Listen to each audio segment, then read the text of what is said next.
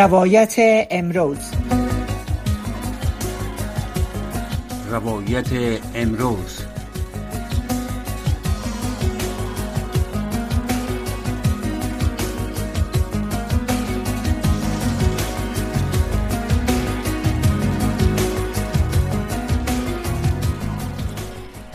بینندگان و شنوندگان محترم سلام. به برنامه روایت امروز خوش آمدین. نجیبه خلیل هستم. خوشحال هستم که بعد از یکی دو سه هفته دوباره در خدمت شما هستم با برنامه روایت امروز. در این برنامه امروز ما هم طبق معمول روز سه شنبه همونطور که می‌فهمین موضوعات مربوط به زنا را زنای افغانستان به بحث می‌گیریم. چگونگی وضعیتشان تحت حکم روایی طالبا مشکلاتشان خواستهایشان دستاوردهایشان این مسائل به بحث می‌گیریم. در هفته ما از خانم نرگس حافظزاده اونا قاضی سابق محکمه استیناف ولایت بلخ دعوت کردیم که در برنامه با ما باشن و نظریات از اونا را روی موضوعات مختلف جویا میشیم. مثل که میمان برنامه روی خط هستن. خانم حافظزاده سلام به شما. خوش آمدین به برنامه. سلام درود خانم خلیل گرامی و دوستای شنونده. خوشحال هستم که با شما وصل هستم. سلامت باشین از همکاریتان. همیشه ممنون هستیم. می‌خوایم ابتدا از امی جلسات اخیر هفتاد و هشتمین جلسات سالانه مجمع عمومی ملل متحد صحبت کنیم که آغاز کنیم البته بحث که در حاشیه از این جلسات یک نشست روی وضعیت زنها در افغانستان بود که وضعیت زنها را به بررسی گرفتن. البته در این نشست یک تعداد زیاد از کشورها. وزرای خارجه تقریبا 12 کشور به شمول آلمان و فرانسه اینا هر کدامشان انتقاد کردن از وضعیت از آنچه که از روش طالبا در برابر زنا و از وضعیت زنا وضعیت فعلیشان که اینا اساسا از حق درس و تعلیم و حق کار اینا طالبا مانیشان شده و این حقوق از بهشان گرفته. ما از شما اولی رو می‌خوایم بپرسم که موجودیت یا نش... این چونین نشست ها برگزاری چونین نشست ها چقدر می‌تونه مؤثر واقع شود مخصوصا در چونین موقع در چونین جای در شورای امنیت ملل متحد در جلس... در حاشیه جلسات سالانهشان. باید بگویم که نفس برگزاری همچون جلسات و ای که افغانستان در محور توجه شورای امنیت سازمان سازمان ملل قرار می‌گیره و ای که یک چپتر و یک فصل جدید را در ارتباط و حمایت از خانمای افغان در سازمان ملل در حال باز شدن می‌بینیم. این بر ما یک نوید خوب هست. اگرچه اگرچه کار ساده نیست که بپذیریم که پیامد ازی با آنچنانی که توقع میره و باشه اما خود باز شدن از این فصل و برگزاری جلسه مورد توجه قرار دادن مورد فوکس و بحث قرار دادن موضوعات خانم ها خصوصا بحث داختری که این روزها زیادتر رویش توجه میشه موضوع آپارتایت جنسیتی که یک بخش عمده جلسات را تشکیل می‌داد که این بسیار یک خبر خوب هست. اگرچه زیاد خوشبین نیستیم که به نتیجه برسه اما ای که پس از یک سکوت طولانی سازمان ملل به گونه عملی خواسته یک اقدام بکنه یک خبر خوب هست. هرچند بارها در خلال صحبت ها از وضعیت زنهای افغانستان صحبت شده اما ای که عملا خواستن یک جلسه را به ارتباط برگزار کنن رویش بحث های توسط یک جمع از کشورهای صاحب اختیار در جهان صحبت های صورت می‌گیره این قابل قدر و خوشبینی هست. درست. البته ای اما که اشاره کرده می دوازده کشور که وزرای خارجش انتقاد کردن از عملکرد طالبا در برابر خانم ها از اونا خواستن که به زودترین فرصت امی ممنوعیت ها علیه زنان را لغو کنن و در عوض همو حق و حقوق از اینا را برشان قائل شوه و اینا حق از داشته باشن کار کنن درس بخونن. تا کنون از طرف طالبا واکنش در زمینه نشان دادن نشده. برحال شما اشاره کردین به موضوع دیگه که زیادتر مورد بحث است. گفتین اپارتایت جنسیتی که تقریبا ای بیشتر در روزا سر زبان است. می‌خوایم که نظر خودتانه سر از امی کلمه که گفتم میشه که آپارتاید جنسیتی آیا شما هم باور دارین که آنچه که در افغانستان تحت حکم روایی تاربا مگذره آپارتاید جنسیتی است البته من متوجه شدم که سوال صحبت شما دو بخش داره یکی اکسال عمل خود گروه حاکم در برابر این نشست و بله. هایی که می‌گیره و موضوع دوم موضوع تبعیض جنسیتی هست بله. اولی که کشورهایی که زیدخل در این موضوع هستند به ویژه کشور آلمان هرچند از یک جانب از یک جانب حضور خود را برجسته نشان داد و در شورای امنیت شوری سر این موضوع صحبت کردن بله. اما از جانب از جانب دیگه آوازی از این وجود داره که یک گروهی هست رهبرای گروه حاکم به زودی وارد کشور آلمان میشن و وارد مذاکرات و این ای بزرگترین زنگ خطر است برای ما زنها و جامعه افغانی که اگر گروه حاکم را وارد روابط با کشور آلمان شوه و این شاید مقدمه های برای پیش شناخت گروه حاکم توسط کشور باشه. یعنی بعد در زمانی که یک جانبی از ده دوازده کشور زیدخل در موضوع افغانستان یکیش آلمان باشه به نحوی بخواهد وارد گفتگو و صحبت ها به گونه مستقیم با گروه حاکم باشه پس چطور ما می‌تونیم ایره توقع داشته باشیم که گروه حاکم به نحو این موضوع را برای خود خطر بپنداره یا عکس عملی از این موضوع نشان بده؟ چون از جانب دیگه به نحو دلپر هستن که کشور آلمان داره با او راه گفتگو و میزبانی را باز کرده. یعنی زیادتر بر از او موقف دیگه صورت می‌گیره. وقتی ما می‌خوایم با یک جانب صحبت کنیم یعنی با او یک موقف ارزش قائل میشیم که متاسفانه این روز آوازه های همچی یک برخورد از جانب کشور آلمان است. خب. پیش از یک شما به بخش دوم بپردازین امین نشست آیا فکر نمی‌کنین که ممکن است خب محتوای این نشست یا محتوای بحثایی که در صورت خواهد گرفت هنوز معلوم نیست. آیا فکر نمی‌کنین که این اول خب مسئله ای که طالبا باید به حقوق بشر و خصوص حقوق زنها احترام قائل شوند و حکومت هم شمول اینا را ایجاد کنن تا که مسائل نشه حکومت طالبا به رسمیت شناخته نمیشه. این تقریبا شکل جهانی را به خود گرفته. حتی کشورهای همسایه و همه ای را گفتن. آیا فکر نمی‌کنین این نشسته که در آلمان خواد داشت. بیشتر بحث از می باشه که مثلا پرسجو به شوه که چرا شما در برابر زنان چنین برخورد می‌کنین؟ باید شما حقوق زنان را به رسمیت بشناسین اول حقوق بشر را احترام کنین آزادی های بیانی و مسائل دیگر تا اینکه اینا به رسمیت شناخته شود. چی فکر می‌کنین شما؟ خودتان اطور معلوم میشه که خوشبین چندان نیستین. محتوای از بله، بحث از اینا چی خواهد بود؟ دید خود را تغییر بتیم و با یک دید خوشبینانه به این نشست که قرار است واقع شوه ببینیم بله. احتمال از این میره که از این صحبت ها شوه. بله. اما به نظر من و اکثریت فعالین که می‌خواین توجهی بیشتر روی موضوع زنان شود باید رعایت حقوق زنان پیش به صحبت ها باشه نه میور صحبت ها میور که می‌تونه بدن باشه. اما به نظر من باید اولی به عنوان یک پیشرت شناخته شود تا زمانی که شما حقوق از دست رفته خانما رو اعاده نکنید ما, با ما شما رو به عنوان یک طرف درگیر به رسمیت نمی‌شناسیم. بله. به عنوان یک گروه حاکم که فعلا مستبدانه به کشور حاکم هستین باید این شروط را رعایت کنین تا ما به عنوان یک انسانی که با تعقل و تفکر و دیر انسانی مواجه میشه ما با شما صحبت کنیم. باید به عنوان یک پیشرت خب به عنوان پیشرت بله.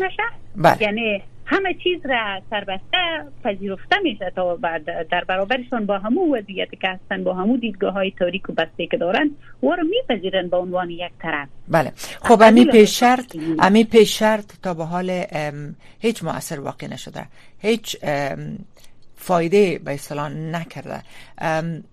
طالبا و از جانب طالبا همونطوری که می‌بینین همیشه ایره گفتن که حقوق زنا فعلا تحت حکم روی از اونا از حقوق بیشتر برخوردار هستند و گفتن که به اساس شریعت حقوقشون برشان داده شده. یعنی شما به سر پیش شرط اشاره کردین. پیش شرط جهان اینه می بوده تا به حاله به خاطر بله، عدم برسمیت به خاطر عدم برسمیت شناختنشان به خاطر اینا پیش شرطشان همیست که شما اول حقوق حق نصف قشر جامعه را شما باید برشان بر رسمیت بشناسین. در خب مسائل آپارتایت جنسیتی رو می‌خواستیم سر از صحبت کنید در مورد آپارتایت جنسیتی درست هست دوستای زیاد اقدام کردن که حتی مورد توجه کشورها و سازمان ملل هم قرار گرفته. اما اگر یک اندازه ما دید بیشتر مسلکی تر و دقیق تر نسبت به اسناد داشته باشیم که ما چه اسناد را در اختیار داریم وقتی صحبت از آپارتایت جنسیتی می‌کنیم یا به لحاظ عامش میشه بگوییم تبعیض جنسیتی. درست است تبعیض جنسیتی در افغانستان به وفور دیده میشه. عملا واقع هست در جریان هست. اما از دید حقوقی و قانونی و اسناد موجود در جهان یا اسناد متکای محکمه جزای بین المللی اگر ما توجه کنیم یعنی وجود همچو اصطلاح در اساسنامه روم که تا حال وجود نداره داخل ساختن یک اصطلاح جدید با مصداقهای جدید اگر که مصداقهایش در افغانستان فعلا قابل لمس است اما ای که داخل اساسنامه نباشه و بله. هیچ وجه دادگاه بین المللی جزایی با او اقدام کردن نمی‌تونه. و داخل ساختن یک اصطلاح یک مصداق جدید در اساسنامه روم یعنی مسیر بسیار طولانی هست. کار ساده نیست که ما با تبلیغات با جلسات ساده زودتر بگیریم. وقتی به اساسنامه روم مراجعه کنیم یعنی دیدگاه ما را یک اندازه مسلکی تر و دقیق تر بسازیم. اساسنامه روم از خود اصول و سلسله مراتب برای تغییرات داره. فعلا اساسنامه روم چهار مورد مشخص برای رسیدگی داره که چهار مورد یا چهار نفر جرمی که وجود داره که جرایم بسیار بزرگ هست. شامل صلاحیت های رسیدگی دادگاه بین جزایی یا تی است که عبارت از جنایت, جنایت جنگی نسل کشی جرایم علیه بشریت و تجاوز ارزی هست. چهار مصداق بسیار بزرگ و چهار عنوان یا جرم یعنی جهانی بزرگی که معمولا واقع میشه بله. و این از صلاحیت های دادگاه بین جزایی شناخته میشه. پس در صورتی که آپارتایت جنسیتی برای فعلا جزی جرایم نیست. اما مصداق هایش وجود داره. اگر ما ایره بخوایم داخل اساسنامه روم بسازیم این نیاز به ای داره که سازمان الملل همین قسمی کال جلسه برگزار کرد. این مورد کش پذیرش کشورها واقع شود بعد از او رأی مثبت کشورها گرفته شود تا ای داخل اساسنامه میشه. سالهای زیاد بله. به کار هست تا از لای صحبت ها بلای اساسنامه بره و این جزء دستور کار محکمه بین المللی شود از این لحاظ ما نیاز داریم راه های کوتاهتر را جستجو کنیم. برای پیشگیری از شرایط کنونی که در افغانستان وجود داره. خاطر گروه حاکم هم به همین خاطر جمع است که زیاد عکس عمل نشان نمیده. چون میدانه که راهی که ما میریم به ترکستان است و طولانی هست. و حالا ما نیاز داریم آنچه که در دست داریم یعنی از امکانات اندک خود برای پیشگیری از وضعیت کنونی برای راه یافتن یک راه مناسب برای بهبود وضعیت کنونی خانم ها و ویژه دختران و شرایطی که فعلا در افغانستان جریان داره یک بله. راه کوتاه را جستجو کنیم و ما کوشش کنیم اهداف خود را در آنچه که در اساسنامه روم هست دریافت کنیم که می‌تونیم کم و بیش ما به مصداق های جرایم علیه بشریت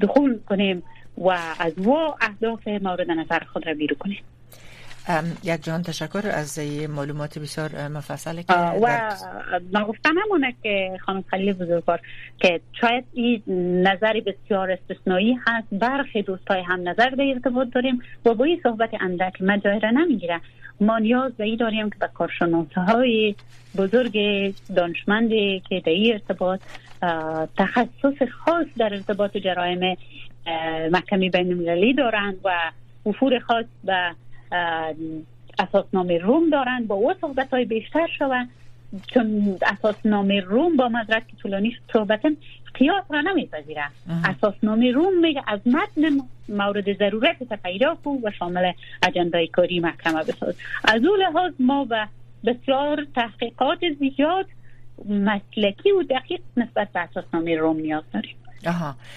می‌خواستم از شما از سپاسگزاری کنم. تشکر که در مورد اپارتایت جنسیتی و نامی روم متونش و متنهایش معلومات دادن. مطمئنا شنوندای محترمه که و بینندای محترمه که برنامه رو می‌بینه از این معلومات شما مستفید شدن. تشکر. شما که شما بارها موضوع خانما را مورد توجه قرار دادین. و باز هم تشکر از سازمان ملل که موضوع خانم ها را یک بار دیگه در اجندای مهم خود قرار داد. امیدوارستم که پیامدهای بهتر از را شاهد باشیم. تشکر. شما قبلا خانم حافظاده نگرانی تانه در قسمت اشاره کردین بر موضوع برسمیت شناختن طالبات. در حالی که خب می‌بینیم که جهان تا به بیشتر از دو سال شد از به قدرت رسیدن طالبا موضوع هیچ کشوره. حتی کشورهای حامی طالبان اونا را به رسمیت نشناخته و همونطور که گفتیم اونمو شروط را که ماندن شرط های را که اول حکومت هم شمول و همچنان رعایت حقوق بشر این مسائل. طالب رسمیت نشناخته. اما شما یک مقدار نگرانی نشان دادین. آیا نگران ازی هستین که احتمال داره با وجود از که طالبا هیچ نوع تصمیم اتخاذ نکردن یا آنچه که جامعه جهانی از پیشان می‌خواهد حال اقدام نکردن. آیا فکر می‌کنین کشورها یا کشور اونا رو به رسمیت خواهد شناخت؟ هرچند در حال حاضر یک امر محال هست. با وجود نقص سریع حقوق بشری که در افغانستان جریان داره گزارش آقای بنت سرمونچی نماینده گزارشگر سازمان ملل را هم نشان میده که چقدر نقض حقوق بشری در کشور جریان داره. بله. گزارش شده که هفته و ماه گذشته از دفتر یونما در کابل بخش داری پخش کرد. گزارش های از او هم از نقض سریع آشکارا حقوق بشر در کشور خبر میده. با همچو گزارشات و وضعیتی که وجود داره ما به این فکر نیستیم که هیچ کشور آذر باشه حتی کشورهای حامی و بانی گروه حاکم که تانستند کشور در دست گروه حاکم قرار بدن همی کشورهای واسط و کارگزار در قسمت افغانستان هم حاضر باشه. این ملامتی و این بار ننگ را به گردن بگیره که با همچو وضعیتی که در کشور جریان داره توسط گروه حاکم هنوز هم یاره به رسمیت بشناسه. اما متاسفانه نوع تعاملشان چیز دیگر است. ای که به رسمیت نمی‌شناسن یک برخورد سیاسی کاملا دیپلماتیک هست که در برابرشون صورت نمی‌گیره. اما به نوع ارتباطات و داشتن داد و ستاد روابط برگزاری جلسات اجازه دادن به سفر و رهبران. این موارد خودش می‌تونه قدمه های کوچک برای روابط نزدیک بین گروه حاکم و کشورها باشه که ما از بابت نگران هستیم. البته در گذشته مسئله تعامل شما اشاره کردین که گفته شده که داشتن تعامل به این مفهوم نیست. مسائل اقتصادی مسائل تجارتی اینا رابط با کشورهای منطقه مخصوصا همسایه ها اینا باید تعامل, تعامل داشته باشن. اما این به این مفهوم نیست که کشور اینا طالبا را به رسمیت می‌شناسن سر از این مسائل بحث شده. من می‌خوایم یک بحث دیگه البته نظریات کارشناسان ای بوده که تصامیم طالبا در مورد زنا یعنی مانع شدنشان از رفتن به مکتب به دانشگاه از کار و نهادهای غیر انتفاعی که موجودیت زنها بسیار مهم بوده. در جاهایی که مثلا مردانه می‌تونن برن با زنها به تماس باشن صحبت کنن موجودیت خانم بسیار ضروری و حیاتی بوده. و طالبان مانع از اینا شدن.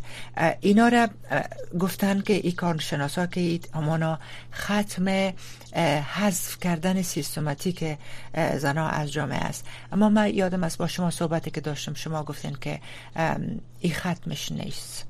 به چی مفهوم است؟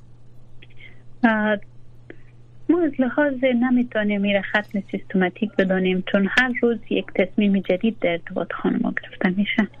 شاید روزی که کشور در اختیار گروه حاکم قرار داده شد پنج مورد وجود نداشت. اما امروز بالاتر از پنجاه مورد احکام وجود داره که رهبر گروه حاکم در ارتباط به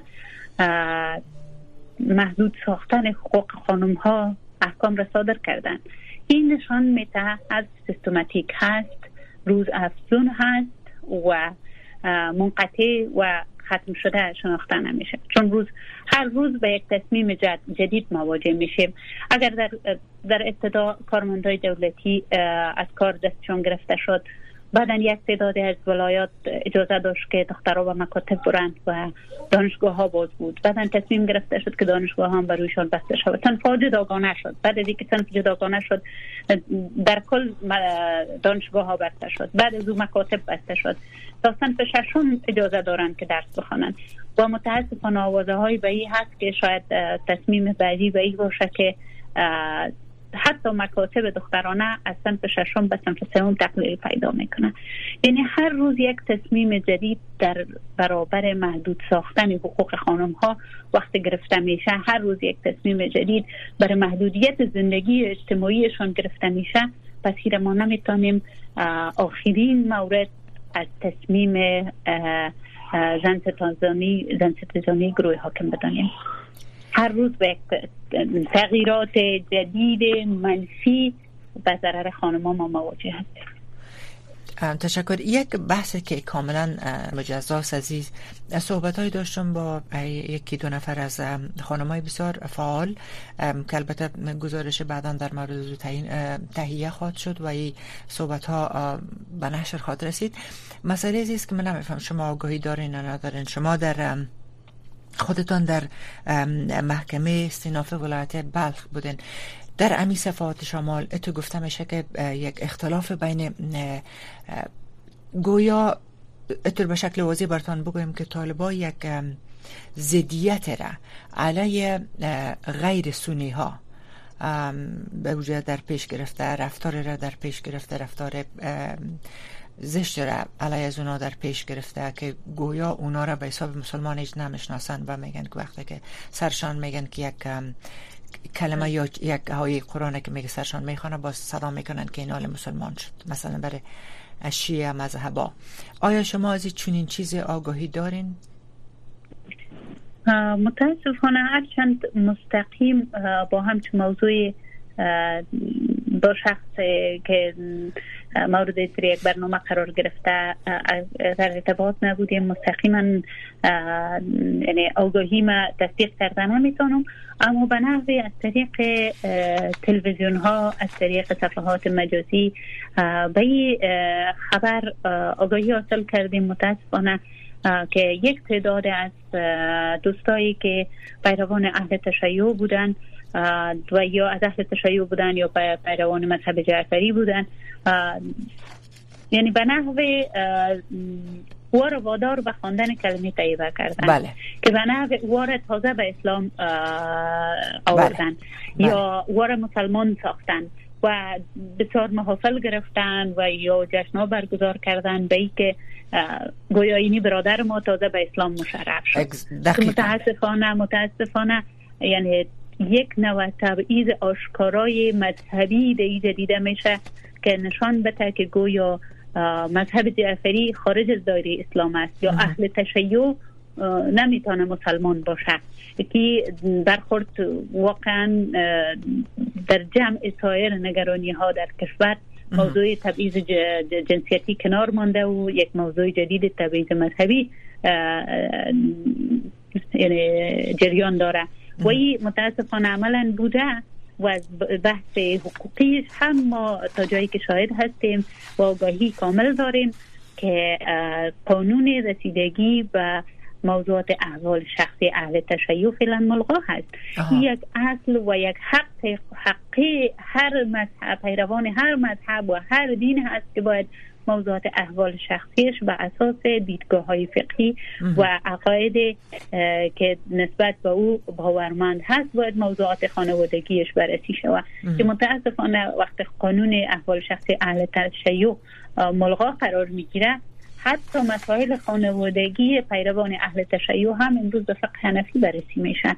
که خود نشان میده که به ارزش شدن پیروان سایر مذاهب بجز از احناف در کشور رو و رونق هست و بله. این به گونه سیستماتیک در کشور خصوصا در بخش های شمال جریان داره متاسفانه دقیقا. امی مسئله که شما اشاره کردین امی چیز با دو امو خانم های که ما صحبت کردم که البته اونا خانم های بودن که در سطح حکومت در سطوح رده های بالا اینا وظیفه داشتن کار می‌کردن و اونا از امی چیز برش آگاهی حاصل کردن و برشان گزارش ها رسیده بود. ما فقط وقت بسیار کم مانده. یک چیز دیگرم آخرین سوال از شما ایره می‌پرسم که خب با وجودی که یک, یک کشوری که مثلا ادعا میشه نصف قش جامعهش محروم است از تمام حقوق خود. و مردم ناراضی است میگن به حساب. یکیش وقتی که مردم ناراضی باشه آیا دوام از او رژیم ممکن است که گفته میشه که بقایش کم پایان زیاد نیست؟ چقدر امیدوار هستند که ممکن است که تغییر به طالبان درک کنند که باید امی حقوق نصف قشر جامعه را مراعات کنند؟ کوتاه بفرمایید. خب هرچند در این ارتباط به اصطلاح صحبت ها و دیدگاه های دوگانه وجود داره. یک بله. تعداد حتی ابراز رضایت می‌کنن. از اینکه میگن در کشور امنیت داریم بله. خب امنیت به عنوان از این نیست که تنها گلوله باران نشه تنها راکت نیفته. خب راکت یا گلوله باری یا انفجارات انتخارات همه عاملش کی بود که فعلا امروز تمام صلاحیت ها و مسئولیت ها در دست خودشان است. طبعا که انفجار انتحاری وجود نمی داشته باشه اما امنیت مهم امنیت روانی هست. متاسفانه امروز جامعه نداره. یک قشر شیاد کردیم که خانم ها نداره اما امی خانم ها عضو خانواده های قشر دوم جامعه هستن. نیم دیگه جامعه هستن که وقتی خواهری ناراحت بود برادرش ناراحت است. وقتی دختری محدود بود زندگیش پدری ناراحت است. پس جامعه در کل نارضایتی خود را دارند. اما شرایط قسمی هست که متاسفانه صدا بلند کردن نمی‌تونن بله. از اون لحاظ ما نمی‌تونیم بگوییم یک آمار بسیار دقیق از این وجود داره که همه ناراض هستن درست چون همه بله. همه سیطره یک گروه استبدادی قرار دارن و ایره خوب می‌دانیم میگن حکومت ها تشکر. حکومت ها و هر نوش که باشه اگر به ظلم باشه ادامه نمیده باشه خانم امیدوار به این هستیم وقت بله. شرایط و کام مردم نباشه. بله. وقتی به مردم دور ده خدای دور میگه. بله. دیگه مردم شاید خانم خانم نرگس تشکر. خانم نرگس حافظزاده قاضی سابق محکمه استیناف ولایت بلخ یک جهان تشکر از حضورتان در برنامه. شب روزتان بخیر.